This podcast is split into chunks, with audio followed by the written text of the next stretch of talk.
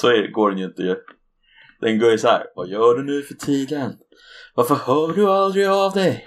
Det var alldeles för länge sedan vi sågs. Är det inte så den går? Så är det den går. Varför gör du inte det? Jag hör ju av mig just precis nu. Jaha, nej okej. Nej men det är Ja, den. Okej, ja, ja, mm, nej, nej. Nej visst. Ja, mm. Mm. Hur är läget? Ja, så det är ganska svårt att springa på det på stan kan jag säga. Men du får väl ta och bo i en lite bättre stad helt enkelt. Där man springer på dig.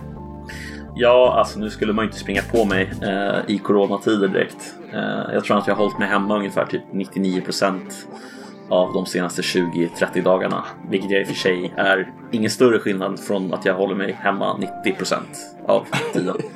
Men ändå. Det är ganska bra gjort. Eh, ja, eh, ta mitt ansvar. Ta ditt ansvar i coronatider. Sitt Mhm. hemma och fis. I alla fall, Ja. välkommen till Aktualitets och populärkulturpodden Koffepodden med mig, Koffe, och den evigt polariserande Nedem. Hej Nedem.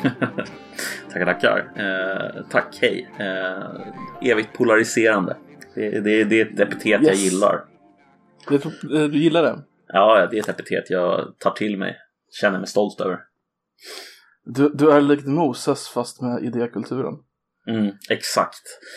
Eh, på ena sidan så Mm, håller jag vänsterextremismen eh, stånd och den andra högerextremismen som den centrist av rang jag är. Så står jag i mitten och skriker. Ah! Ge mig mer Göran! Vilken Nej. Göran. Ja, den enda Lambert. viktiga. Va? Nej. Herregud. Rosenberg. Göran Rosenberg. Rosenberg. Ja. Okej. Nej, nej, men Göran Persson såklart. Han som bestämmer. Det är han som bestämmer.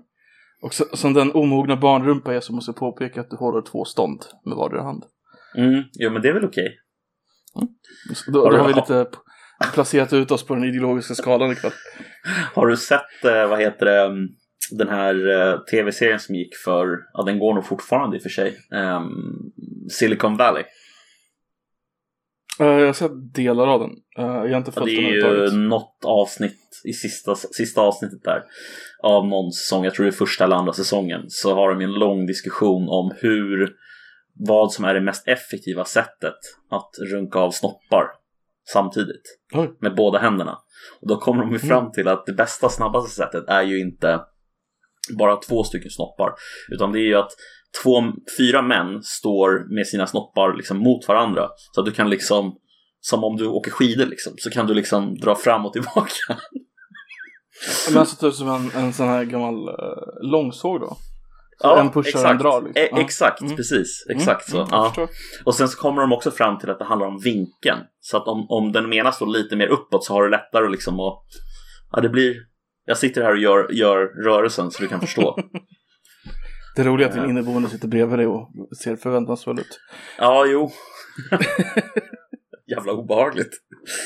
Åh nej. Det här kräver ju dock att de här har eh, ungefär lika långa snoppar. Ja, precis. Så då, därför måste man ju då gruppera folk Mm. efter, efter storlek då för att få Mm. en ratio som är bra. Och det tar de också upp i det där avsnittet. De har ju långa kalkyl- kalkylationer kring det där. Ja. Tar, jag tror Ja. det tar dem... Säg. Jag är ändå inte säker på att om eh, sexualitetsprincipen inte spelar in. Alltså, som heterosexuell man så vill jag ju inte bli avrunkad av en annan heterosexuell man. Eller ens en homosexuell man för den delen. Nej. Så att det måste ju ta längre tid för mig. alltså det måste ju spela in, alltså om, det, om vi pratar ren effektivitet. Ja. Så skulle det ju vara effektivare för mig att bara vara själv. Än stå i den här intressanta gruppen. Ja, jo, men då förutsätter du ju att det rent mekaniska inte skulle ha effekt. Alltså oavsett upphetsningsnivå. Eh, och det, det kan du ju inte ifrå... Det, kan, det vet du ju inte först du har varit i den situationen. Men det, måste, det, det, det psykologiska måste ju spela, spela ändå roll. Ja, ja, absolut. Absolut, Så att absolut. jag tänker att det, går tillräckligt mycket snabbare om jag är själv. Jo, jo, Att absolut. väga upp. Ja, ja, det tror jag också i och för sig. Men, eh, ja, who knows? Alltså, Det här, det här skulle ju eh, vara för, för, för, för rent, en grupp rent homosexuella män. mm, Så skulle Fast- det vara effektivt. Ja, jag tror också det. Alltså de skulle ju definitivt klara av det här fortare. De har ju även Mm. erfarenhet på en helt annan nivå liksom. Av eh, liksom andras kön. Eh, själv har man ju mest ers, liksom, ja, du fattar vad jag är ute efter. Rätt få män i mitt liv på det sättet. Rätt få men inte, äh, inte helt noll ändå. Ja, det är nog fan det. Tyvärr alltså. Jag får, jag får ändra på det så att jag lär mig metoderna bättre så att jag kan eh, sätta en bättre framtida tid i det här maraton, maratonet. Nu, nu, har inte jag, nu kommer inte jag ihåg karaktären i den serien så jag byter serie. Men frågan är relevant till den andra serien egentligen. Har du sett The Office, äh, amerikanska? Nej, har inte gjort det. Säg en serie du har sett, som de flesta har sett. Eh, Game of Thrones, Mm, The Wire, mm. eh, Westworld, Westworld. Wow. eh, bri- brittiska The Office. Brittiska The Office. Ja. Mm, vi tar... Ta Game of Thrones har de. Eller så får du, du, får en chans att byta, byta serie efter frågat frågan, okej? Mm. Vilken av de manliga karaktärerna hade varit med i din grupp på fyra? Du är en av dem. Okej. Eh, definitivt eh, Kit Harington alltså. Eh, vad heter Mm. han eh, som han spelar? Eh, Uh, Jon Snow. Ja, precis. Jon Snow. Och sen så definitivt, mm, vad heter det, eh, Hodor. Eh, Oj, oj jävlar. sen Ned, han två, Ned- två, Ned- fem eller något? jo, sen Ned Stark. Och sen Joffrey. Oj, du bör, alltså en skulle vara Joffrey, han är 12! Nej, mot slutet ser han väl äldre eller? Är det det? Joffrey age. Innan han blir mördad. Uh, uh, uh, ska vi kolla här? Han... Uh, Okej, han är 19 när han dör. Okej, fair Mm, just det, just det. Han är bara en twink. Det är oroväckande att du kan namnet. Ja, det kan du också. Det här har man ju lärt sig. Det här, man har ju lärt sig lite av den här kulturen ändå de senaste åren tycker Mm. jag. Alltså den har liksom permerat. Mm, den har Eh, mainstreamats. Ja, den har ju det. Alltså de två sakerna som jag känner till mest, det är väl egentligen Twink och Björn. Mm. Eh, och Björn är ju då skäggiga, lite smått överviktiga, stora män liksom. Så att typ H- jag då. hår- Hårbringa liksom. Ja, precis. Eh, Då vet du vad en cub är också. Nej, Det är ju de som är mindre björnar, de som blir attraherade av bears. är det en cub? Mm.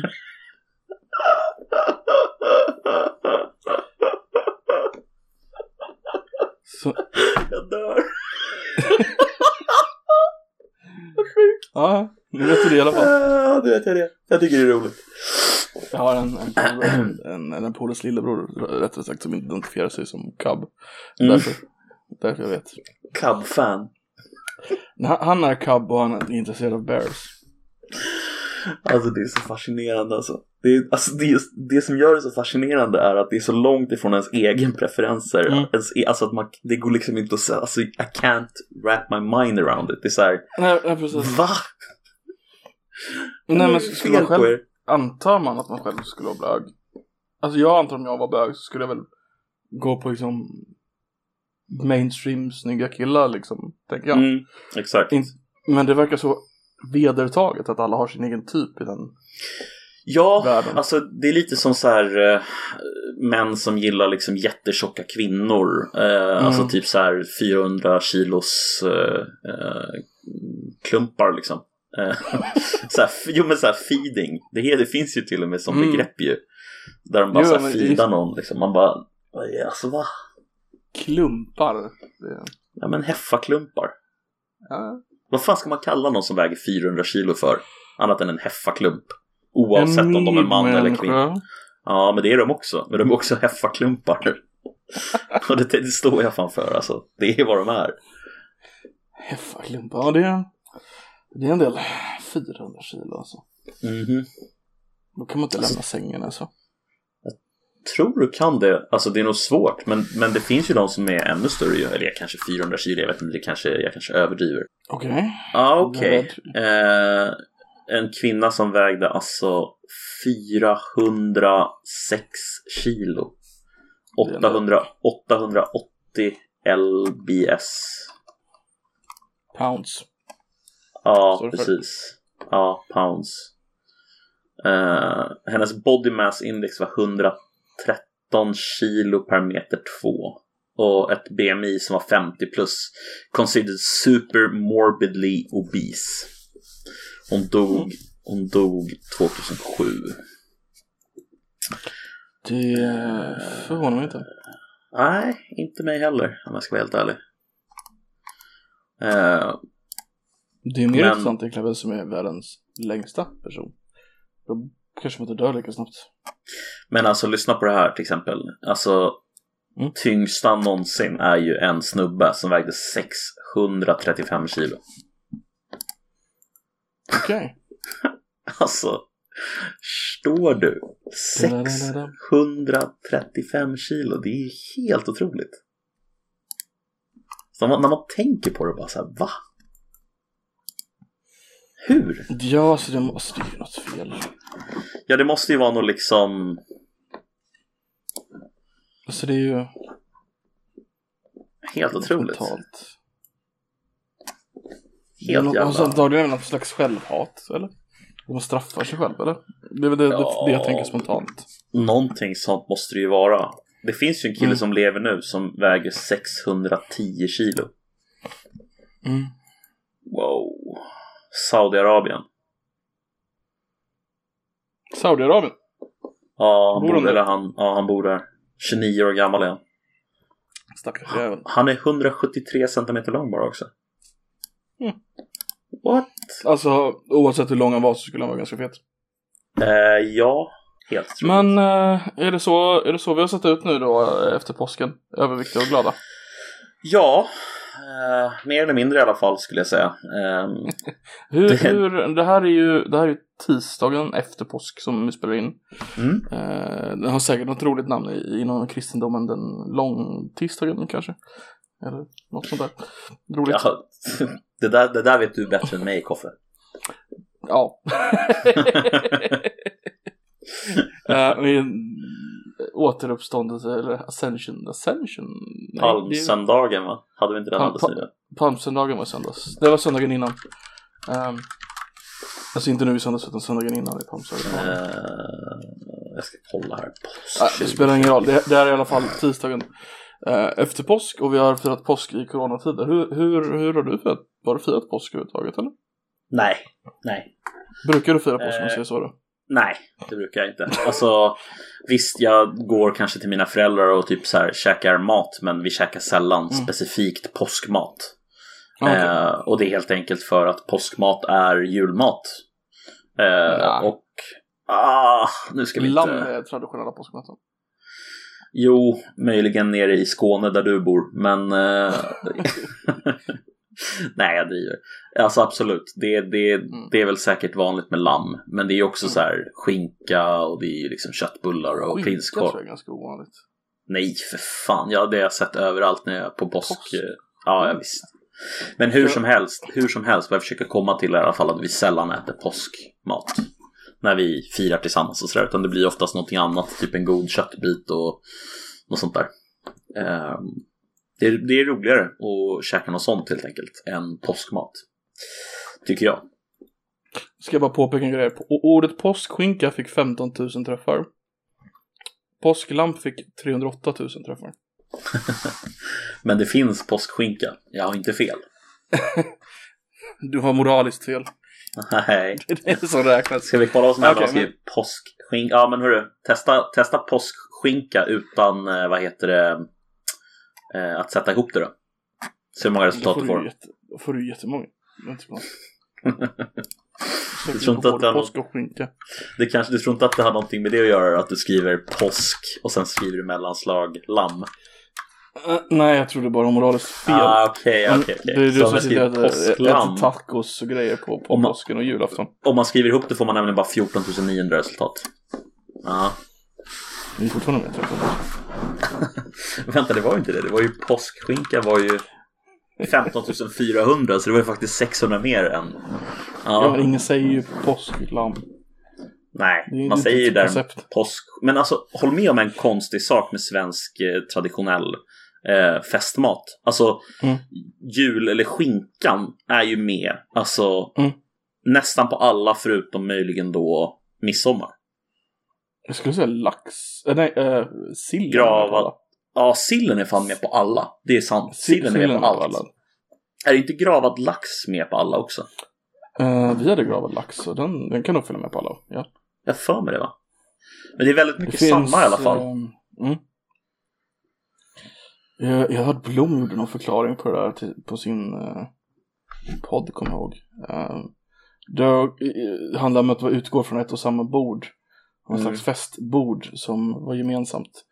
Eh, och sen så hade vi inte den festen kvar och då hade vi, Mhm. tar vi bara den till högtiderna liksom. Ja men det låter väl rimligt. Det är en rimlig förklaring på varför det blir så.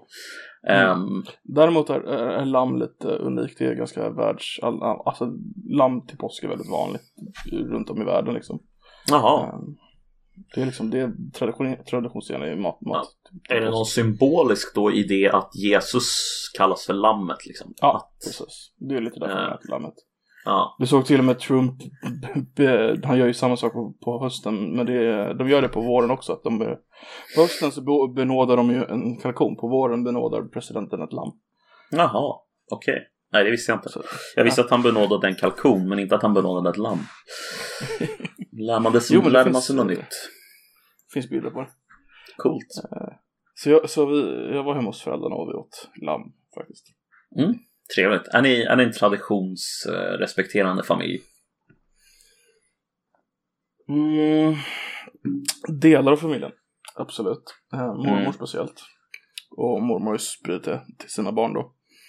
Eh, morsan är ju äldst bland sina syskon så hon håller väl hårdast på det då att hon har fått mest. Så där, där är det ganska traditionsbundet. I alla fall vid sådana här stora högtider då. Mm. Och farsan då, han är inte lika intresserad? Lite kakt. Nej. Eh, nej men uh, tackar ta emot liksom. Det är väl inte. ja, om någon Ja, annan fixar det- det så säger inte han Ja, nej, men han är inte den som skulle fixa det där själv liksom. Nej precis. precis. Nej. Jag är väl lite likadan på sätt och vis. Alltså jag hade, jag hade inte haft någonting emot om, om att gå på en stor påskmiddag sådär. Men jag, skulle jag Mm. sätta upp någonting själv så skulle det inte bli påsk. Utan då skulle det Mm. bli typ så här. Ja, oxfilé med potatisgratäng liksom. Det, Det är fint. det är så jävla När, man, trevligt alltså. eh, ja, när jag var liten så samlade vi ju alla, alla när mormor samlade alla sina barn och deras för, respektive. Mm, Nere på hennes landställe som var gigantiskt back then. mm. Och då hade vi gigantiska påskmiddagar. Det var grejer det. Fan, alltså. Jag undrar lite om inte det där håller på att försvinna alltså, i viss mån. Eh, hela det här du vet. eh, jo men förut så hade man ju, jag har nämligen samma upplevelse i alla fall. Det här att man hade någon äldre släkting som samlade en hel del Mm. människor. Men att den typen av eh, företeelse blir mer och mer ovanlig. Det vill säga att hela Mm. familjerna samlas på det sättet och träffas. Så att vi har blivit mer ehm, vi umgås i mindre eh, familjesällskap tror jag idag. Det är två delar Eh. tror jag. jag. Jag tror din tes är helt korrekt. Jag tror dels för att det är den generationen som var drivkraften. De som orkade. Den håller på att dö Mm. ut. Mm, precis. Och samtidigt så har den yngre generationen, alltså typ eh, folk som är 50 år och yngre, de har ju blivit helt förslappade men moraliskt. Nej men de skiljer sig och har extra barn och plusbarn och pluspappor och allting. Men jag, ja, fast och jag då vet blir det ju den här jag... grejen, nej men, nej, men då, då, då åker man ju runt på julafton istället. Och ska, Ja. alla ska så, så, så alla blir små minisfiranden. Back in the day så skulle ju någon ha varit en samlande kraft och bara, nej alla ska till mig. Alla är här. Nu, ja men de vill ha på det sättet, de vill ha på det sättet, de är veganer. Så då är det lättare att ha liksom typ hälften som åker runt och hälften som är kvar liksom. Ja, men jag ville, det jag tänkte på var kanske nödvändigtvis är det nödvändigtvis någonting av ondo? Jag tror ju inte det. Eh, alltså jag tror ju visserligen att traditioner är, är någonting som eh, är viktigt att, eh, att liksom ha kvar i någon mån men de behöver inte se exakt identiska ut över tid. Alltså mm. de kan ju förändras och det gör ju ingenting. Så länge som man har några traditioner kvar. I, I, någon mån. Jag menar, för min familj så är det en tradition liksom att jag träffar min morsa och min farsa och vi käkar god mat tillsammans. Mm. That's it, that's it. Eh, visst, för några år sedan så hade jag liknande som du beskriver, där vi var liksom en stor ja. släkt som träffades och sådär. Men alltså jag kan ju inte påstå att jag hade velat gå tillbaka till det. Personligen. Varför inte? Därför att för det första så tycker jag inte om alla de människorna. Om jag ska vara helt ärlig. eh, nej men det är sant alltså. Ja, och sen så för, för andra så, alltså. Det var rätt jobbigt också så här, klä upp sig och det skulle vara seriöst. Man skulle liksom sitta och så här. Ja, det var, det var väldigt, väldigt, eh, vad säger man, klassiskt borgerligt. Om du förstår mm. vad jag är ute efter då. Och det var, var liksom var ni där ganska... en dag eller flera dagar? Alltså var ni bara där liksom några timmar på dagen eller liksom? Nej, liksom det var där. Över? Nej, inte sova över. Men det var hela dagen, det var det. På julafton. Okay. Det var ju från tidigt på julafton till sent liksom. Det var ju... Min mormor hade ju turen att hennes gamla hus var ju stort nog så att folk kunde sova över. Det var ju skitstort alltså. Ah, okej, okay, okej. Okay. Ja, det är så ju en annan grej. Så vi fick ju sova över där varje jul, varje påsk. Um, jag vet inte, jag tror att, jag tror att det är karaktäristiskt att umgås lite med dem. Även om jag inte tycker de är fantastiska. Jag tror att det kan vara bra liksom. Ja, men... Släktidealet. Fast varför då? Alltså vad är det du tänker För skulle vara bra av att umgås med liksom folk man ogillar? Alltså, a, nu, nu, menar jag, nu, menar jag, nu menar jag aktivt ogillar alltså. Inte, inte folk som, man, alltså, som man har svårt för utan folk som nu man måste aktivt jag, Nu måste jag gräva lite hur, hur, hur, hur mycket ogillar de här människorna egentligen? Ja, alltså på en skala från 1 till 10 så kanske en 7 alltså. Vi pratar om liksom något, ganska något starkt. Eller? Ja, ja, absolut. Självklart. Eh, okay. Kopplat till såna här du vet, typiska släktgrejer där man lurar varandra på pengar och sådana där saker. Alltså, uh, ja. Ja, ja. Uh, nej men jag tror att jag tror ju överlag det är bra att umgås med folk. Uh, att tvingas umgås med vissa människor.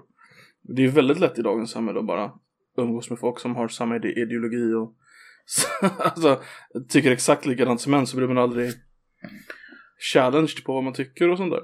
Det, alltså man, man tvingas inte vara trevlig liksom. Man tvingas inte. Och det tror jag är ganska dåligt för samhället överlag. Alltså den här den här grejen att folk bara odlar sin eget Det blir ins insulärt på något sätt. Det blir mm. så här, man sitter i sin egen lilla... Uh, jo, jag kan hålla med om det. Absolut. Men tror du, tror du att just släktmiddagarna i den större formen måste vara svaret på det? Kan inte liksom... Eller du kanske tänker... Alltså det är inte på det. Alltså det är ju det är mer en, äh, en fråga sökande efter ett svar eller något. Mm. Eh, det behöver inte nödvändigtvis vara släktmiddagen. Sen tycker jag det personligen är ganska mysigt med släktmiddagar. Jag tycker det vore bra om folk uppehöll sina släktband. Um, det är något som jag tycker är lite oroväckande i Sverige. Hur, hur om vi jämför med andra länder. Det, mm. När man ser sådana här galtandskalor och allt det där, så är Sverige alltid högst upp till höger. Oberoende och, och ateistiska liksom. Mm. Som alla andra så här är så här, lite mer tillsammans, lite mer religiösa. Det behöver inte vara nödvändigtvis religiöst, men folk, folk tappar ju bandet till sina släktingar. Liksom. Det är så här, vi bara, när folk blir 60 så slänger vi in dem på ett ålderdomshem och sen så ser vi dem inte mer förrän det blir dags att dela ut. Uh, ja, den har dött helt enkelt. Mm. Det tycker jag är väldigt tråkigt. Och det, det, är något som är ganska unikt i Sverige, hur, hur, hur lite vi, vi bryr oss om våra släktingar egentligen. Det finns ingen, det finns ingen som håller oss ihop liksom. Vi blir, vi, eh, individualister, kanske, eller automatister eller vad man ska kalla det. För att mm. inte trigga din individualist-tanke där. Nej men det, det, finns en skillnad på individualismen och det vi är, och vi är väldigt automatiserade. Ja, alltså jag vågar väl påstå dock att alltså det handlar väl också om Alltså man måste ju kunna välja vilka släktingar man umgås med. Det är väl det som är min tanke. Alltså så här, bara för att jag väljer bort vissa släktingar så betyder mm. ju inte det att jag inte umgås med släkt. Alltså det är ju fortfarande så att jag mm. umgås med eh, mina kusiner, jag umgås med mina föräldrar, jag umgås med min mormor och så vidare och så vidare. Men mm. sen är det en hel annan del av släkten som är liksom som jag liksom har skurit av mer eller mindre. Och det är så här, mm. det är väl fine liksom. Om man har anledning att göra det, tänker jag. Ja, det, det får det väl vara. Ja, alltså, om det kommer till den punkten så måste man ju kanske göra det. Men, men jag förstår ju vad du är ute efter. Alltså, just det här att Mm. liksom man, man förutsätter någonstans att eh, eller en förutsättning snarare för att vi ska bli liksom eh, fungerande samhällsmedborgare är att vi existerar i ett sammanhang. Är Mm. inte det du är lite rädd för? Att om man inte har ett sammanhang överhuvudtaget så har man inte heller någon anledning att vara en god samhällsmedborgare? Eller övertolkar jag det? Det är nog en del av det hela men det var inte exakt så jag tänkte. Jag tror Nej. inte tänkte på god samhällsmedborgare. Ja, men när jag säger god men jag tycker absolut att du samhällsmedborgare behöver ett sammanhang. När jag säger god samhällsmedborgare så menar jag egentligen alltså en person som är mm, en person som kan ta del av samhällets goda och det dåliga Mm. utan att liksom eh, bara strunta i allting och bli en social outcast och bara skita i allt. Mm. Liksom. Och ändå vara en del av ett sammanhang eh, i Ja, samhället. Eh, bejakar det goda men- och men det dåliga. Men, men det köper jag, absolut. alldeles eh, ovidkommande till den diskussionen. Det är en intressant diskussion, men jag tänker har du hört det nya eh, om att eh, Bernie blir backad av, när jag säger Bernie blir backad av, då hade de varit glada va? det låter som att det där var Eh. lite freudianskt. Ja, kanske. Nej, men eh, Biden blir backad av både Obama och av eh, Bernie Sanders nu. Eh, det vill säga de har gått ut och endorsat honom. Det är Biden. alltså 2018 igen, eller 2016. Ja, lite så. Nej, Samma men eh, vad heter det? Herregud. Biden eh, blev endorsad igår av, eh, eh, av Bernie. Sanders och idag av Obama. Mm. Eh, Ja, och, alltså, det var väl först igår som Biden, eller Bernie hoppade av? Nej, det var väl lite längre sedan. Det var väl typ en vecka sedan nästan eh, som Bernie hoppade av. Okej. Tror jag. Eller kanske tre, fyra dagar sedan eller något sånt där. Kan kolla. För, ja, för att tiden däremellan var i alla fall väldigt kort. Eh, vi kan kolla. Ja, Bernie, kör. sex dagar sedan. Sex dagar sedan. Mm. Så exakt en vecka sedan nästan. Mm. Så suspendade han sin campaign. Eller sa upp sin kampanj, slutade kampanja, vad man nu vill säga på svenska. Mm. Eh, Det är fantastiskt roligt att Obama vägrade ge han sitt stöd, alltså ge Bernie, Biden sitt stöd, förrän det inte fanns något annat alternativ. men jag tror, alltså vet du vad? Jag tror inte det där handlade om, om det alltså. Jag tror att det handlade om att han har en så stark och inflytelserik röst i det demokratiska partiet att han insåg att hade han gått ut och stött, alltså om, om vi nu säger att han ville stötta Biden från början. Ja. Hade han gått ut tidigare och stöttat Biden så hade det blivit liksom en eh, problematisk eh, fråga som folk hade ifrågasatt honom om varför han gjorde det. Varför lägger du din vikt bakom en kandidat innan det Mm. liksom är över? Jag tror inte han la sin vikt bakom Hillary heller förrän hon var färdig som kandidat. Om jag inte minns fel. Det vill säga han gick inte ut och sa någonting före... Eller? Det kommer jag inte ihåg. Jag tänkte man skulle kunna jämföra med, med Republikanerna, men problemet där är att ingen vill ju bli endorsad av eh, George W. Bush. Nej, så var det ju. Fy fan alltså. Ska kolla här. Eh, Och likadant lär det väl bli näst, nästa val då. I Republikanerna. Jag tror inte någon kommer att bli endorsad av eh, presidenten, vad heter han? Trump. Nej, alltså skulle han fortsätta vara president i fyra år till så tror jag nog att han kommer göra så många misstag och få pass så att han kommer definitivt, eh, ja det är ingen som kommer vilja bli endorsad av honom om det inte är så att han vänder ekonomin igen och får den att bli bra under sina fyra sista år. Men det känns svårt alltså. Det känns som att den ekonomiska utvecklingen som kommer nu, den kommer vara mörk alltså. Ja, men det är ju alltså, det är därför han kommer kunna vinna. För att folk vet att den kommer bli dåliga och Biden har gått ut med nothing will fundamentally change. Och det är ju nu de vill ha förändring som fan liksom. Så Alltså det är nu tänk, vilka du tänker på?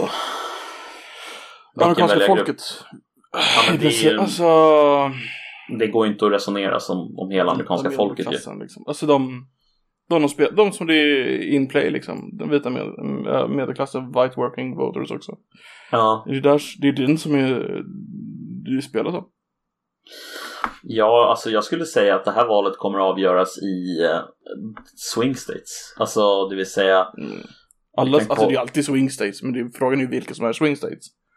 Ja, det är frågan är ju vilka som kommer att avgöra och då är det ju, jag tror ju som dig att de som kommer att avgöra mm. är ju de som är liksom on the fence i swing states. men vad, ja, det är väl klart det är de. Det är alltid ja. de som är on the fence som avgör. Men du har ju hört de andra alltså, teorierna, eller hur? Uh, du menar att de pushar bort uh, valdeltagandet så lågt i de andra statesen eller vadå? Nej, nej, nej, nej. Alltså idéerna om att liksom det som egentligen skulle kunna vinna över Trump det är endast att Bernie hade varit liksom kandidaten och att han hade galvaniserat mm. eh, antalet väljare så mycket så att man skulle vinna även i eh, eh, vad heter det battleground states liksom som mm. är liksom potentiella ja, som kan flippa liksom. Eh, jag har ju svårt att se det personligen att det hade kunnat gått givet att liksom de personerna givet... du behöver vinna de är ju i mitten de är inte till vänster Ja, men med det här läget så skulle man kunna pusha mitten ganska långt till vänster. Om man säger rätt saker. Fast mitten alltså, om du har är lika... En, du har, men mitten är lika benägen att gå högerut. Ja, det är det så att du skulle kunna pusha hela mitten. Eftersom att du har en rekordhög arbetslöshet så skulle du kunna omdefiniera vad som är mitten. Alltså jag tror inte det. Alltså jag tror, jag tror har, du, har du till exempel Bernie mot, mot, uh, mot uh, Trump i ett uh, presidentsval 2020 här, mm. om vi hade haft det. Ta, ta en delstat som Florida till exempel. Alltså, Många gamla judar i Florida. ja, jo, jo. Men det är, ju en, det är ju en typisk swing state. Den kan ju gå åt båda hållen. Och jag tror inte att mm. någon mm. president på typ så 40 år eller någonting har vunnit eh, presidentsvalet utan att vinna Florida. Eh. Så att, att vinna Florida anses generellt sett vara väldigt, väldigt viktigt. Alltså för mm. att vinna presidentsvalet. Och alltså vad jag försöker säga är att om du inte vinner Florida och för att vinna Florida måste du liksom ha mitten. Du måste vinna över dem som skulle kunna tänka sig att rösta på Republikanerna lika mycket som att de skulle kunna tänka sig att rösta på Demokraterna. Och det betyder ju att om de är i mitten så är de ju inte vänster. Nej men alltså du kan ju pusha hela, alltså, du kan ju pusha hela fältet vad definitionen av mitten är. Alltså... Nej, på så kort tid. Ja, alltså med de människorna den... är inte lika mottagliga. De är inte lika mottagliga för det som de till vänster. Men med tanke på att du har den högsta arbetslösheten i modern tid så kan du göra ganska mycket i ideologiska frågor. Om till exempel går ut med ja, Medicare for all eller att, att det inte måste vara kopplat till din arbetsplats. Mm. Sådana där grejer, det kan, du, det kan du få ganska många med och du behöver inte göra till en vänster-höger fråga heller. Så jag vet inte. Jag, alltså jag, jag, tror inte det. Jag tror inte det stämmer. Jag tror att alltså, så, länge som, så länge som en stor del av befolkningen identifierar sig politiskt som till exempel independence. Mm.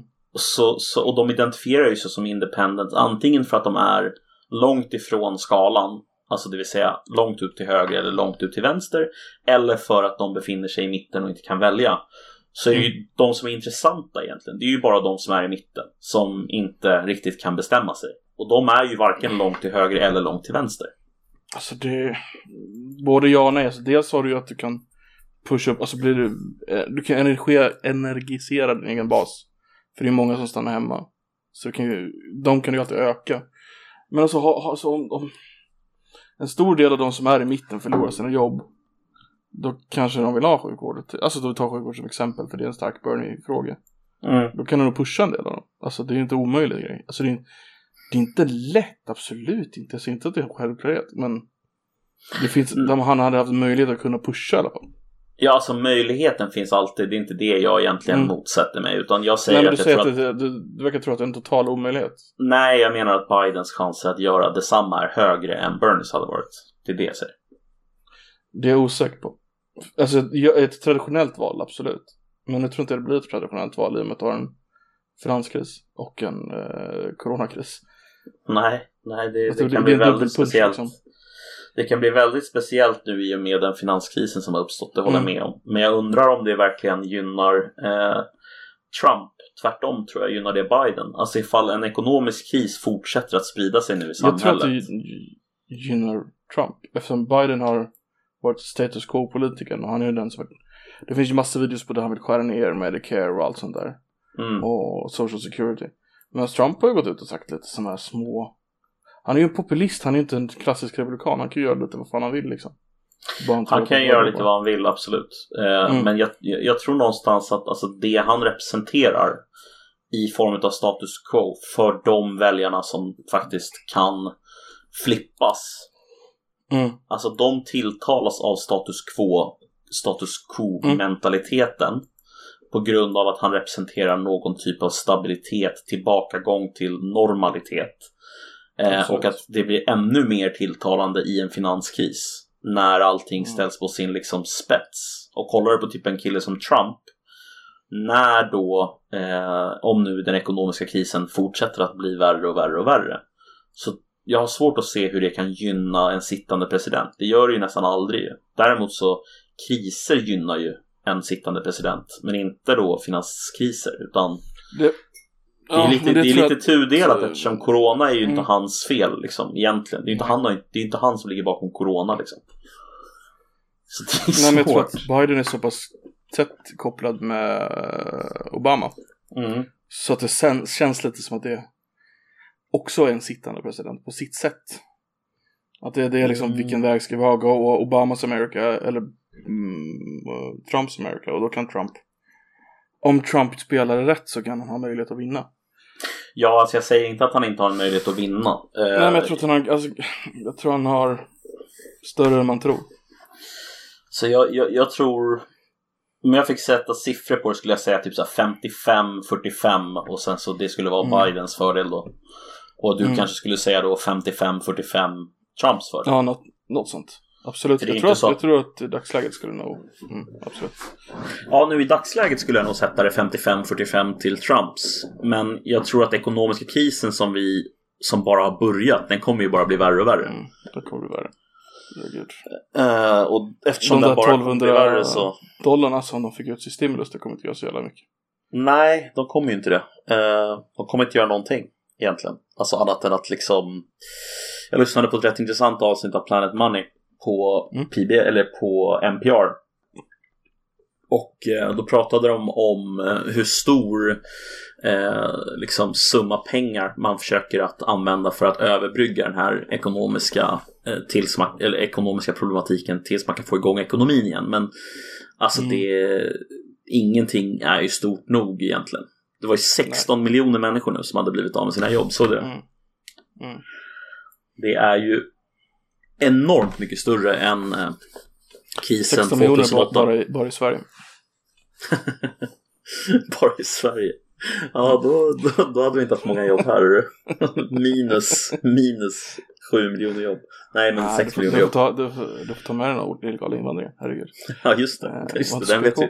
Sant, sant. Det finns ju där. Det är lätt 7 miljoner. Eh, nej, men vad fan. Eh, var det inte något sånt? Var det inte 16? barnen. Jo, jo, absolut, det var det.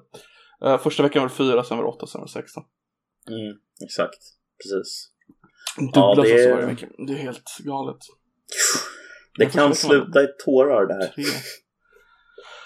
Ja, det där är väldigt oroväckande. Alltså det, och då, då får vi tänka på att i USA så lever folk mycket mer paycheck, paycheck to paycheck Mm. än vad vi gör i Sverige.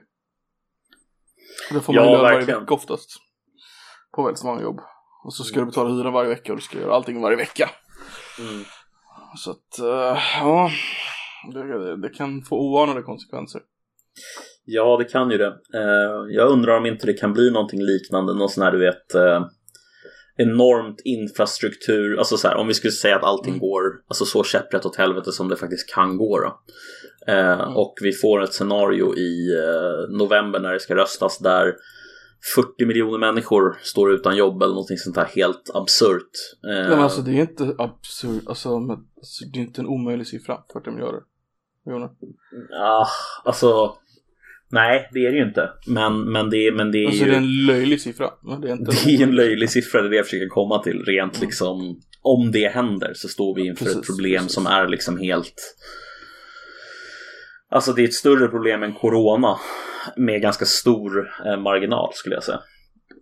Eh, och helt enkelt för att, så, för, för det första för att så många människor kommer dö som en konsekvens av en ekonomisk kris av den mm. magnituden. Så att det är liksom så här, i rent, skulle man bara räkna döda så tror jag i alla fall att det är fler som kommer dö om vi får den typen av mm. depressionskris ekonomiskt. Absolut. Absolut. Än som kommer dö i corona. Ja men exakt, alltså jag menar hur många kommer liksom Okej, okay, folk kanske inte kommer dö i svält i USA men de kommer liksom... Säg inte det alltså, det är, det är inte omöjligt. Ah, det tror jag ändå är rätt omöjligt, tror inte du det? Ja, jag vet inte. Nej, jag ska inte säga att det är omöjligt. Det finns, alltså det finns ju hemlösa och det finns folk som inte får mat och de De har ju food banks och sånt men de börjar ju redan, de går ju redan på gränsen liksom. Mm. Jo, men tror du inte att den federala staten skulle gå in och vad heter Om det blir massvält skulle de försöka göra någonting. Alltså det blir stor svält. Men alltså. Ja, jag vet inte. Jag, jag har alltså... svårt att se alltså just ett scenario där den federala staten inte skulle kliva in och backa upp. Alltså det beror på. Ifall, beror på ifall de hamnar, ja men ju precis. Alltså, jag menar inte liksom att tio personer dör i svält. Det är klart det kan hända. Men alltså jag tänker typ mm. så om det börjar dö folk i svält. Alltså dö folk på riktigt liksom. Mm. Säg tio om dagen. Då Eh, och speciellt om det börjar drabba grupper som traditionellt sett inte är drabbade, alltså medelklassen eller till exempel eh, arbetarklassen. Eh, alltså nu säger jag inte att arbetarklassen inte kan vara drabbad, men generellt sett så är det ju liksom de på den absoluta botten. Eh, och det är mm. ju inte arbetarklassen riktigt. Det är ju någon slags ett steg ner från det, alltså trailer park. Eh, ja. Nej, fy fan alltså. Det blir en intressant, eh, ett intressant år det här tror jag. Men alltså jag måste bara fråga dig, om, om, du tror att, att det kan bli så att det blir upp till 40 miljoner arbetslösa. Mm. Sen vet vi att ungefär hälften röstar. Mm. Alltså skulle, du skulle inte kunna se att Bernie hade haft en chans liksom. Alltså ganska bra chans. Nej. Som det, det hela hans liksom. Alltså, modus operandi tror... är ju att i sådana här lägen så skulle det inte behöva bli så illa som det blir jag säger inte att han inte hade haft en chans, men jag tror att Bidens chanser eh, alldeles oavsett är bättre. Just av den enkla anledningen att jag tror att det handlar inte om att galvanisera stora grupper, för du kommer inte lyckas med det. Alltså så här, ingen har lyckats med det tidigare förutom Obama och det var afro afro afroamerikaner. Mm. Eh, och alltså det var så här, han lyckades mobilisera stora grupper afroamerikaner och de röstade på Obama eh, i större grad än vad de någonsin har gjort förut. Ja. Eh, men ingen av de grupperna till exempel, som traditionellt sett är svaga rent ekonomiskt, gick ut och gav sitt stöd till eh, Bernie i primärvalen till exempel primärvalen är inte direkt en perfekt liksom, eh, analog till eh, valet i november, men det säger ändå någonting om hur lätt det är för Bernie att eh, galvanisera grupper som han måste ha. För mm. att kunna, alltså, jag kan ha fel givetvis, men, men jag, jag tror bara att precis som alla tidigare val, även om det är 40 miljoner 40 eh, miljoner arbetslösa så tror jag att det kommer avgöras i swing states. För att mm. du kommer inte sving, alltså det är 40, säg att det är 40 miljoner arbetslösa. Det är inte 40 miljoner arbetslösa i varje delstat. Liksom. Det bor ju inte så många i varje delstat. Nej, Utan det är ju utspritt på hela landet. Ja, absolut. Men det är samtidigt de som är i de traditionsenliga grupperna, det är ju många av dem som kommer vara arbetslösa också och vill ha det lite bättre lott för sig själva. Ja, ja. Eh, men, men, men tänk så här, alltså ta en delstat som till exempel, eh, vad ska vi ta, eh, som alltid eh, svänger rött. Ta Texas.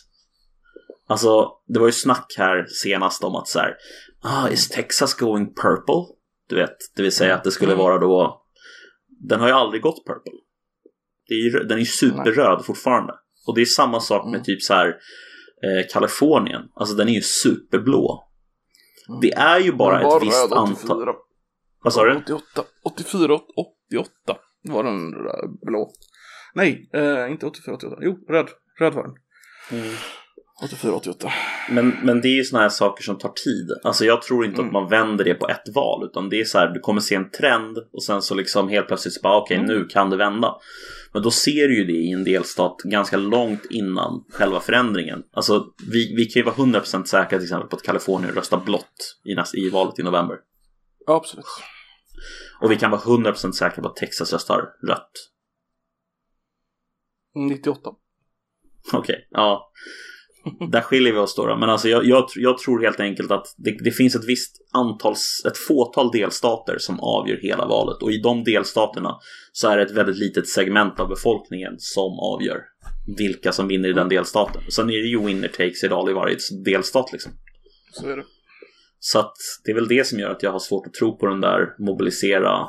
Eh, För det är så här, ja men då måste du mobilisera dem i varje delstat. I Mm. större grad än de som väljer i mitten. Mm. Och det tror jag är svårt bara. Okej. Så det är väl därför. Jag förstår hur du tänker. Mm. Men, men hur som helst, hur tror du Joe Exotic hade röstat? Han är registrerad republikan. Han är det va? Ja. Inte helt oväntat. Han gillar inte det här med regler. Förvånansvärt oväntat. Ja men han är ju på något sätt, alltså Han är väl den bilden jag har av de som blir av med jobbet. Eh, han är en av de 40 miljonerna typ. nu sitter han i och för sig i fängelse men ja. Han, Herregud. Nu, har- ja, spoiler för de som inte sett serien då, men han, han kampanjar just för att bli president i serien. Libertariansk president va? Är det inte så? Ja, så är det. Hans kampanjchef är killen från Walmart som stod i uh, vapenhyllan. Han tyckte han verkade trevlig. Och det är väl den killen då som är republikan som er- säger att han ska kampanja som republikan. Eller som eh, Ja, eh, libertarian. libertarian. Herregud alltså. Ja, Nej, fantastisk man alltså. ja faktiskt. Men Väldigt. den serien har ju tagit internet med storm alltså. Herregud. Ja, det har blivit ett Det är jävla pådrag om den där serien. Vad ska jag ska säga då? Det, det är alltså en 50-årig man som har gift med två yngre män. eh, som har en tigerfarm och zoo. Eh, som sjunger countrylåtar. Eh, som försöker bli president, sen guvernör. Som har en teori om att hans största fiende som äger ett annat tigershow som är ont på något sätt. Eh, fast hon tycker att han är ond. Han tror att hon har mördat sin exman. Eh, och därför anlägger han en, en mördare för att mörda henne. Alltså jag orkar inte. Det är, det är, Men det är, alltså, det är, det är beyond, beyond galet. Alltså, Alltså hade du skrivit en sån serie så hade du bara nej, det här är för mycket. alltså jag tänker, kommer du ihåg när den här serien gick? Eh, jag kollade aldrig på den heller i och för sig, men den här eh, Baby Boo eller vad hon hette. De här eh, Ah, åh, oh, gud, jag kollade på den. Och jag vet exakt vad du menar. eh. Baby Man. Samma Det typ var en liten av liksom, jävla unge. Baby, Eh. baby, baby, baby, baby, baby. Du vet precis vad jag menar i alla fall, eller hur? Fuck, vad hette den? Jag måste kolla. Jag, jag kommer inte ge mig förrän jag kommer ihåg vad den heter. Scary. Honey Boo Boo. Honey Boo Boo. Får jag, får, jag, får jag bara fråga en sak? Visst tog du reda på det genom att du kom ihåg skämtet Scary från eh, Ja. South Park? Mm. Sjukt kul. Hörde du det? Ja, jag hörde att du sa Ja. till dig själv. Eh, det, eh. det är dock inte ett skämt. Det är hennes morsas matlagning. Är men alltså det- det är ju- smör och ketchup och så kastar man det på väggen. Och så när det fastnar då vet man att det är bra. Det är så jävla äckligt. Men alltså det, det jag vill komma till är egentligen att alltså det är på något sätt som att man tar den trenden och så tar man Mm. den till sin absoluta liksom eh, eh, sin logiska slutpunkt och då hamnar man på Joe Exotic liksom. Har jag fel eller? Nej, egentligen inte. Men Honey Boo Boo alltså, det var... Vilken grej det var alltså. Fan, Hon var ju så runway, hon var ju alltså sån här uh, skönhetsdrottning för barn. Men det var alltså en, eh, ja det är ju någon jävla redneck-serie alltså. Ja, det var väl det. Ehm, Mm. En grej med Joe Exotic, du, så, du såg att han, eh, han sjöng ju massa låtar och sånt i sin serie. ja. En grej de inte hade med att ta upp, det är att han har köpt alla låtar externt och det är inte han som sjunger. Så han bara dubbar dem. Alltså han, eh, han spelar in dem, videosarna. Och så eh, mun, vad heter det? Man rör munnen i takt med musiken. Ja. Så han, inte, han sjunger inte på en enda låt. Herregud alltså. Ja, det, det, det blir liksom det blir bara bättre och bättre desto mer man hör om hela den där serien. Alltså det, det följer liksom i, i alltså det, ja. Ja, Men grejen är att det är tio timmar långt och det är liksom lite för mycket nästan. Det går inte liksom att smälta allt. ja jag, måste, jag måste fortsätta kolla på den. Jag har bara sett ett avsnitt så här långt och sen så läst en hel del om den på nätet för det går typ inte att undvika. Ehm, men den verkar ju onekligen eh, bisarr alltså. Ja, ja Eh, verkligen. helt otroligt egentligen att det kan, att det kan gå på det sättet. Alltså hur, hur är det möjligt att man överhuvudtaget får ha eh, helt vilda liksom tigrar eh, och Mm. bara föda upp tigrar i mer eller mindre hans liksom ja, lilla inhägnade område. Han kan ju inte ha haft ett stort område som han hade koll på, som han hade eh, Nej. eller? Men han, han säger ju det i serien. Att, eh, de, de börjar med det i serien att det finns mer tigrar i, i captivity i USA än fritt Mm. i världen. Mm. För i USA får du ha en eh, som pet. Alltså. Åh, Ja. Mm. Jag vet inte vad jag ska säga alls om det. Nej, Har du kommit till avsnittet med hans kompis som också har en tigerfarm? Som Mm. har eh, en massa brudar? Nej, men jag såg, eller jo, jag såg han. Han är ju med i första avsnittet. Ja ah, okej, han som har kulten. Eh, ja, han som har kulten, ja. Som hjärntvättar brudar och bara stannar över där. Han verkar ju riktigt otäck alltså. Ja, ja verkligen. Ehm, men alltså det, det som är så intressant är hur trasiga liv de lever. Alltså Mm. det är liksom meth, det är mord, det är liksom ehm, Alltså det är så Det är så långt ifrån ens eget liv, även om det inte är perfekt på något sätt så är det liksom ändå Mm. relativt uppstyrt i förhållande till den här personen. Men är inte det, Det är det som är grejen med. USA? Att du har liksom För att kunna ha den där absoluta toppen av citattecken frihet så Mm. måste du även ha där. Att du, du kan inte ha det ena utan det andra. Att du måste ha möjligheten att kunna gå åt båda hållen. Jo, det, det är väl så. Ehm, det blir väl svårt att ha så nära som på, nu har ju inte de total frihet på något sätt, men de är i alla fall närmst. Eh, och ja, resultatet blir väl att du får den typen av, eh, res- eller helt enkelt personer som går åt andra hållet liksom. Eh, så är det ju. Det går inte att komma ifrån tror jag. Nej. Alltså det närmaste du kommer i Sverige det är väl uh, Christer Pettersson liksom. Ja, typ. Men hur, hur, hur han, ja han knarkar väl också i och för sig. jo, visst gjorde han det, men alltså jag menar, det är inte riktigt på samma nivå. Du kan aldrig falla Nej. lika djupt ner i Sverige som du kan där. Eh, visst, du kan hamna utanför samhället på många sätt och vis och sådär. Men, men på något sätt så är det ändå, alltså, jo, du kan falla jättelångt ner i samhället på skalan i Sverige också, men det är fler som faller ner utanför skalan i USA och de känns ändå som att de har en djupare, ett, ett djupare fall eh, ner. Absolut, absolut. ehm, på gott och det ont. finns ingen instans i USA som är gjord för att ta tag i dig. I Sverige finns ju ändå instanser som ska ta tag i dig men de kanske faller mellan stolarna där. Ja, precis. Ofta så är det ju så att folk har ju mentala sjukdomar ofta när de, Mm. eh, förutom då drogmissbruket, så har man ofta någon typ av mental mentala problem här i Sverige när man inte klarar av att ta hjälpen. Medan där kan du ju liksom vara fullt funktionell och ändå hamna Mm. eh, utanför systemet så att säga. Precis. Är så, har du hört om eh, Las Vegas Mole People? Eh, ja, de som bor i, eh, vad heter det, motsvarigheten till typ deras, eh, eh, ja vad heter det på svenska nu, sewer system. Alltså, Mm. Jag har sett någon jätteintressant dokumentärserie där man får se hur de bor. Eh, Mm. det är, Det, ja, Vissa av dem var ju, helt, var ju helt normala människor, så hände typ en grej som ledde till en annan grej. ja. Och så är de fast där liksom. mm. Det är, ja. Det är lätt att falla i det landet. det är ju det. Det måste sätta en enorm jävla press på en människa. Alltså. Ja, garanterat. Alltså det, om du inte har något skyddsnät eh, under dig så ja, det blir ju lite läskigare att gå balansgång. Om vi säger så.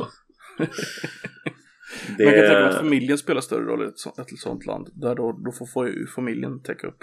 Ja, precis. Eller den borde ju åtminstone göra det. Jag vet inte om det i praktiken så är det väl ofta så att de här personerna som faktiskt faller åt sidan, de har väl ofta då inte riktigt de säkerhetsnäten i form av familj heller, utan Nej, sant. de, de faller handlöst. Liksom. Mm. Eh, men samtidigt så, som du säger, så är det väl en bieffekt av att man också kan bli liksom miljardär och alltså visst det kan du bli i Sverige också men det är väl det är ett stor skillnad. Det är det. Precis. Är det- är vad de säger, är du stor i USA så är du stor överallt annars. Alltså Mm. USA är liksom, det är landet liksom. Det är Mm. världsledaren. Av en anledning. Så är det ju.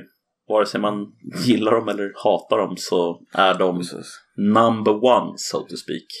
De, de spelar Civilization va? mm, De, de, USA vann ju 92 en, en cultural victory. mhm, Det var ju de gjorde, helt enkelt. Sen exakt. lever vi bara i ef- efter, eftermälet av det liksom. Mm, precis så. Exakt så. Eh, och jag skulle väl vilja påstå att de eh, nästan vann en scientific victory eh, 1969. Nej, det här köper jag inte. du köper inte det? Nej, Vadå då? inte för att Ryssland eller Sovjet var ju, vann, var ju mycket bättre rymdnation än USA. Ja men man måste ju landa på månen annars har man ju liksom inte Nej, vunnit liksom scientific victory. arbiträrt, jä- arbiträrt jävla... Alltså jag vet att du måste göra det i spelet. Ja, alltså det är så var jävla arbiträr jävla grej. Det är som Ryssland gjorde ju allting liksom. De hade ju till och med en rymdbas liksom. Och USA bara eh, Oj, nu har vi inte först i rymden. Okej, vi hann inte första promenaden. Vi hann inte första världsomseglingen. Okej, vi hann inte första rymdsonden på en annan planet. Eh, vi hann inte först i Mars. Eh, vad gör vi? Vad gör vi? Landa på månen. Yes, nu vann vi. Men vi har gjort allt det här. Ja, men det räknas inte. Ja, men nu har vi en rymdbas. Ja, men det räknas inte. Vi har också landat på månen. Ja, men det räknas inte. Vi var först på månen. Det är det som räknades, har vi bestämt. Och så spelar de upp det i tusentals filmer liksom. Och propaganda som inte, som i helvete liksom. Det, Men en snabb fråga bara. Eh, först på Mars var väl ändå USA? men eh, med en sond. Mm. Eh, jag tror inte det. men Alltså jag ska på svära på planeten, alltså på planeten, inte i omloppsbana runt planeten. Jag ska inte svära på det åt vilket håll som helst. Jag är inte säker. Nej, inte jag heller. Men, men alltså det det, man, man, man kollar på så här listat med Space Firsts. Så är det ju Sovjetflaggan på liksom typ allt och sen bara vi vann, vi hade den här grejen och sen bara fortsätter Sovjet efter det liksom första först på massa grejer. Mm. Så det, ja. Ja, Sovjet förtjänar faktiskt en hel del praise för sin... eh, De var rätt duktiga alltså med Mm, rymd, det rymdgrejerna. Det, det får man säga. De var, alltså jag menar hela deras teknologi kring eh, inter, interkontinentala ballistiska missiler var ja ju precis. väldigt, väldigt stark. Eh, Sen får, sen får väl båda vara ganska ärliga med att säga att det, de snodde massa nazister för att komma dit de kom. Visst fan är det så. I alla fall eh, de första liksom 30 åren av det där var ju typ bara baserat på nazisternas eh, utveckling i, eh, under slutet av kriget. Både i V2 Sovjet och- i, i, i USA. Ja, det är Operation fan helt i otroligt. Jo, det stämmer. Exakt. Alltså, un, alltså, man ska inte försköna nazismen för fem öre, men man undrar ju hur långt de hade kommit om de hade bara fått fortsätta liksom. Mhm. Om de, vi säger att de hade blivit en stalemate och de hade fått behålla typ halva Europa eller något. Så hade de... Hur Alltså- långt hade de kommit med rymdprojektet liksom? Säkerligen rätt långt, men de hade nog använt det precis i det syftet som, alltså jag menar anledningen till att man ville ha de här eh, ryska, mm. eller vad säger de här nazistiska forskarna. Det var ju inte för att man ville ta sig till rymden liksom. Om vi säger så. Nej. Det var ju relativt ointressant utan det var ju bara en bieffekt av att man egentligen ville kunna bygga missiler som gick längre och längre. Eh, så att jag menar det Nej, var men ju om vi bara... ändå teoret, teoretiserar om det, hur, alltså om de hade försökt ta sig till rymden. Ja, det är en bra fråga alltså. alltså. Alltså det blir, det blir en stalemate i kriget och de hade fått x antal land, lite mer än de hade innan. Mm. Och sen bara, ah, vi kan inte gå i krig igen på typ 30 år. Vad ska vi, vi måste fokusera på någonting. Ja, vi, vi vinner rymdracet liksom. Vi kommer på Mm. att vi ska ha ett rymdrace. Mm. Då hade de ju haft en enormt försprång. Ja, visst hade de haft det. Det hade varit helt enormt det försprånget. Eh, och jag tror att det försprånget hade lett till potentiellt till att man hade kunnat eh, vända eh, krigslyckan. Men det hade ju Mm, kanske inte kunnat ske ändå då givetvis eftersom Alltså det hade ju aldrig kunnat ske eftersom Nej men i- min teori så hade kriget varit liksom att de hade slutit fred. Alltså, Ja, precis. De, de hade ju aldrig kunnat bygga en eh, rymdstation under kriget. Nej, Rymd, exakt. någonting. Men de hade ju definitivt kunnat ta sig fram väldigt, väldigt fort i den där teknologin. De Mm. låg ju en bra bit före alla andra. Alltså jag menar, det var väl ingen som hade missiler eh, överhuvudtaget egentligen förutom alltså riktiga eh, långtflygande missiler. Nej, nej, ingen alls. Eh, det var nazisterna som hade det liksom. Eh, Mm. Ja, mot slutet att- kunde du ju bomba London från eh, Belgien. Ja, det är rätt ganska sjukt alltså. Det är rätt sjukt. Ja. Har, har du hört talas om eh, absolut, absolut eh, egentligen inte missiler men andra sätt som folk har försökt utveckla så här långtskjutande eh, vapen? Då har du garanterat ju hört talas om, du vet, eh, Big Bertha som nazisterna gjorde och Ja, just det. Den Eh. det? jättestora kanonen som var Precis. på räls va? Precis. Och sen så Mm. finns det ju en annan som de byggde tror jag i Frankrike. Som var typ någon så här lång jävla artillerikanon. Som Mm. för, upp, för en, upp för ett berg ungefär. Som de skulle kunna använda då för att skjuta Ah, till eh.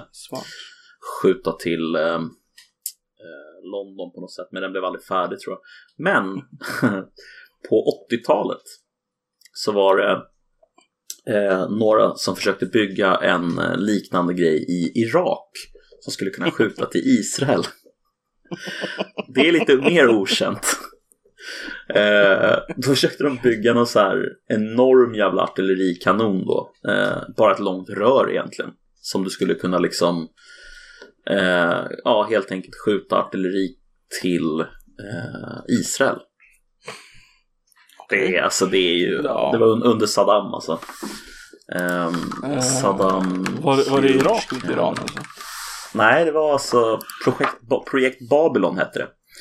Eh, en rymdkanon. Eh, ska se här. Jag kommer skicka en liten länk här till dig så får du se. Eh.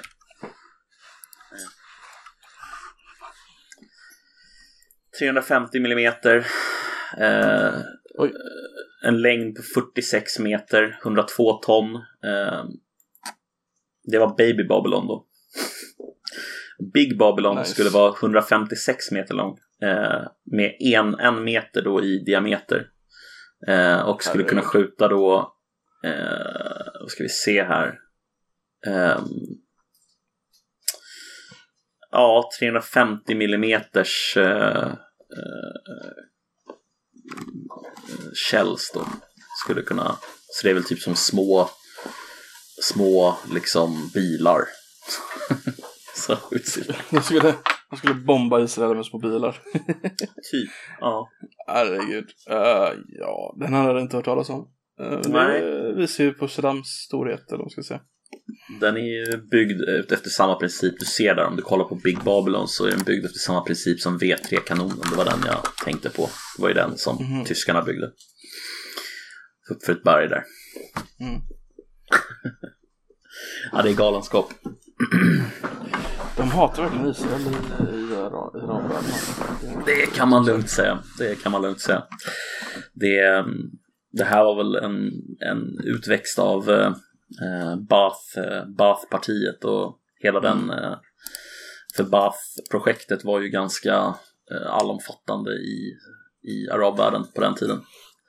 På tal om... Baathpartiet och antisemitism. Har du sett den uh, Sacha Baron Cohen-filmen än eller? Serien? Mm, absolut, det har jag gjort. det? Ja. Kanske vi redan har pratat om minns jag. Jävlar. Nej, det har vi inte gjort tror jag. Fan vad bra den var alltså. The Spy. Mm. Den var jävligt bra. Den, har man inte sett den så bör man definitivt se den. Ehm, Något Den är- är... faktiskt. ja, och framförallt så är den ju ganska eh, verklighetstrogen i hur det faktiskt går till. Eh, själva liksom spioneriet som Ja, de alltså tar det, upp det är en, på 60-talet är det, va? eller 50-talet? 50-talet är det, 55. Eh, en israelisk spion då, som infiltrerar eh, Syriens regering och blir till slut vice försvarsminister. Mm, Och det är så based on a true story. precis, det är based on a true story. Eh, han är ju från. Egypten från början, Mm. den här personen, och egyptisk jude eh, som flyttar till Israel när, när landet bildas. Mm. Den är, den är, ja, den är grym. Eh, Den ska man se om man, om man gillar den där typen av eh, eh, politiskt eh, ränkspel så är den, den är jävligt kul. Eller kul, den är, den är, den är väldigt, väldigt bra. Eh, Den är välgjord. Eh, den är underhållande. mm, Och eh, alltså även om du bara har liksom ett milt historiskt intresse om regionen så bör, bör du se den. mm, definitivt. väldigt- Det tidiga Israel liksom, det är väldigt fascinerande. Ja, det är verkligen fascinerande. Ja, just det. Nu kom jag på vad det var jag ville prata om. Eh, faktiskt. får, får, får jag rekommendera att du, du skriver ner det istället? Ja, jag borde nästan göra det.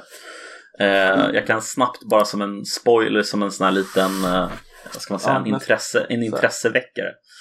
Säga Yes. att jag har precis läst klart en bok som handlar om Operation Odessa. Ah. Eh, och eh, Odessa är ju namnet som folk har gett till den, eh, så att säga, eh, den mytologiska förklaringen nästan på hur nazisterna och eh, andra liksom nationalister och nationalsocialister eh, tog sig ut ur Europa efter kriget och till Argentina. Mm. Har ju kallats Operation Odessa. Eh, det fanns ju aldrig någon operation som hette Odessa. Utan det är ju bullshit. Men däremot så fanns det en eh, mycket eh, väl genomförd och väl planerad operation. Den hette bara inte Odessa. och eh, ja, helt enkelt den verkliga Odessa. Liksom. Hur gick det till och varför? Eh, vad var syftet? Så det ska vi definitivt prata om sen. Eh, kan skriva upp det här. Operation Mm. Odessa. Eh, så ska vi ta upp det i något avsnitt. Den är, den är väldigt, väldigt, väldigt intressant. Eh, går igenom mycket kring eh, vilka som var inblandade och varför och eh, vad de hade för motiv och sådär. Alltså vi skulle kunna prata om hela post andra världskriget, nazismen, alltså det Mm. tyska andra världskriget efter nazismen så att säga. Definitivt. Vilka, vad som fanns kvar det fanns ju ett eh, ett, eh, vad heter det, soldat eh, så att säga så här, som var jättestort. Mm. Inte kompisgäng men sån här, eh, ja vad ska vi säga, En milis egentligen. inte en milis. Som- gerilla. US, nej, nej, de slogs inte. Det var mer eh, för deras allmänna välstånd, soldater som slagits under andra världskriget på nazisternas sida. Jaha, du menar en sån? sån- Ja, ja, okej, okej. Ja, Alltså sån- någon slags, eh, en öppen organisation, alltså ingen Ja, ja, stängd precis. organisation. Den Mm. var öppen, men den var väldigt hatad i Västtyskland. Mm. Ja, men det kan jag förstå. Av, men den var, den var aktiv och politiskt influentiell. Mm. Eftersom det var så många liksom. Mm. Uh, fast nu är den nedlagd för de typ alla dött. Jo, men precis, det är klart. Men alltså, Men den, den fanns ganska länge alltså. Eh, Alltså, jag, det- jag ska kolla upp namnet till, till nästa avsnitt. Absolut, och jag kan ju säga att det är ganska intressant att följa alltså, egentligen utvecklingen efter andra världskriget i Västtyskland och Mm. liksom hur många av dem som faktiskt var involverade i andra världskriget på nazistsidan som också Mm. sen tog ledande roller i Västtyskland. Alltså, Precis. precis. inte därmed sagt att det var en eh, nazistisk eh, stat efter eh, andra världskriget men det fanns definitivt element inom staten Mm. som drog åt det hållet. Eh, Jo, absolut. Men de hade ju ingen annan elit än den tyska eliten, så det var ju den de fick ta. Ja, precis. Ja, Så jo. Missförstå mig rätt här, jag, jag, säger inte att de hade något annat val, men, men det är väldigt, väldigt Nej, intressant nej, nej. att följa hela den diskussionen. Alltså hur, hur väststaterna gick från att vara väldigt liksom eh, hatiska och skulle lämna ut alla till att liksom inse att oj, vänta, våran faktiska fiende existerar ju faktiskt i öst och heter Sovjetunionen. Vi måste tänka om här. Ja. Det gick, och det gick väldigt snabbt. För de Det gick med det. på att dela upp Tyskland i två delar. Ja, En sovjetisk och en väst. Men när det var dags att bemanna den, den västra delen, som inte var alls lång tid efter, då hade de redan hunnit ändra sig i princip. mm. precis. Ja, det är intressant det där. Det, det har ni något att se fram emot pojkar och flickor. Ja, det blir ett intressant avsnitt. Vi får snacka om det sen. Eh, men eh, det här har varit Koffepodden med eh, Nedden och min kära vän Koffe. Tack Koffe. Hallå då. Alltid trevligt att vara här. Mm, bra. Hej. Ja, det är gött. Hej.